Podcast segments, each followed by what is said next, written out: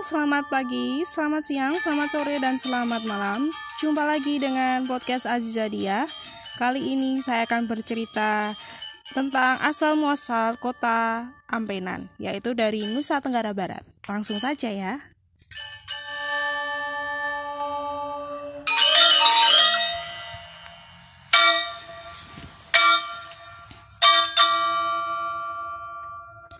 Pada zaman dahulu kala ada sebuah desa bernama Kenanga yang dipimpin oleh Raden Satrianata. Ketika desa Kenanga diserang dan dibakar oleh kerajaan Bali, Raden Satrianata dan pengikutnya pergi mencari daerah baru. Akhirnya mereka menemukan daerah yang mirip dengan desa Kenanga. Daerah tersebut dinamakan Desa Madia. Di desa tersebut mereka memulai bercocok bertani. Tanaman yang cocok dengan tanah di sana adalah tanaman komak atau kara.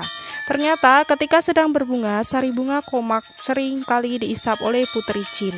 Suatu hari, Raden Satrianata jatuh cinta kepada Putri Jin tersebut. Lalu ia meminang Putri Jin untuk menjadi istrinya. Aku mau menjadi istrimu dengan satu syarat. Selama menjadi suami istri, kita tidak boleh saling bicara. Raden Satrianata menyanggupinya. Kemudian mereka menikah dan dikaruniai seorang putra. Raden Satrianata sangat menyayangi putranya. Seringkali ia ingin mengungkapkannya kebahagiaan kepada istrinya, tetapi hal tersebut diurungkan mengingat janjinya kepada istrinya sebelum mereka menikah.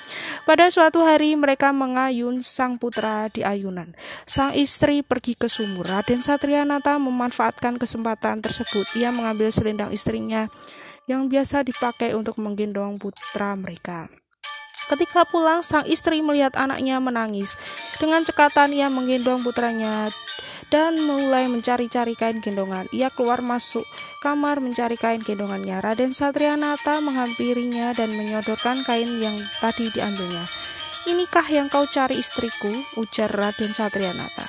Istrinya sangat terkejut mendengar Raden Satrianata berbicara padanya. Dengan penuh santun ia mengambil selendang tersebut dan bersimpuh di hadapan suaminya.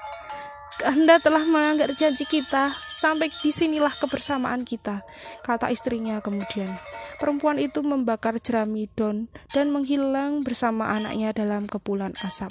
Raden Satria Nata sangat menyesali peristiwa tersebut dan tak kuasa menahan kepergian istri dan anaknya. Ia pun jatuh pingsan. Ketika sadar ia disarankan untuk bertapa di Gunung Sengsang agar dapat bertemu dengan anak dan istri. Setelah hampir 10 hari bertapa, ia hanya dapat mendengar suara istrinya. Hanya anak kita yang dapat kembali kepadamu, Kanda. Buatlah sesaji yang dilengkapi dengan dulang sebanyak 44 macam dan dibawa ke desa Kenanga, kata suara istrinya. Upacara sesaji yang dipimpin oleh seorang ketua bernama Nek Surat pun diadakan.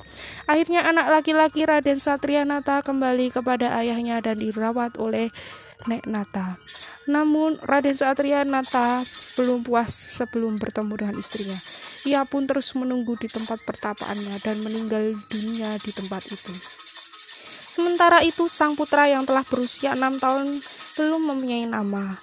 Oleh karena itu, ia diadakanlah sayembara untuk memperoleh nama yang tepat bagi putra mendiang Raden Satrianata. Tiba-tiba datanglah seorang kakek yang mengaku sebagai keturunan Satria Daya. Menurutnya hanya ia yang berhak memberikan nama kepada putra Raden Satrianata. Nama yang diberikan adalah Satria Tampena.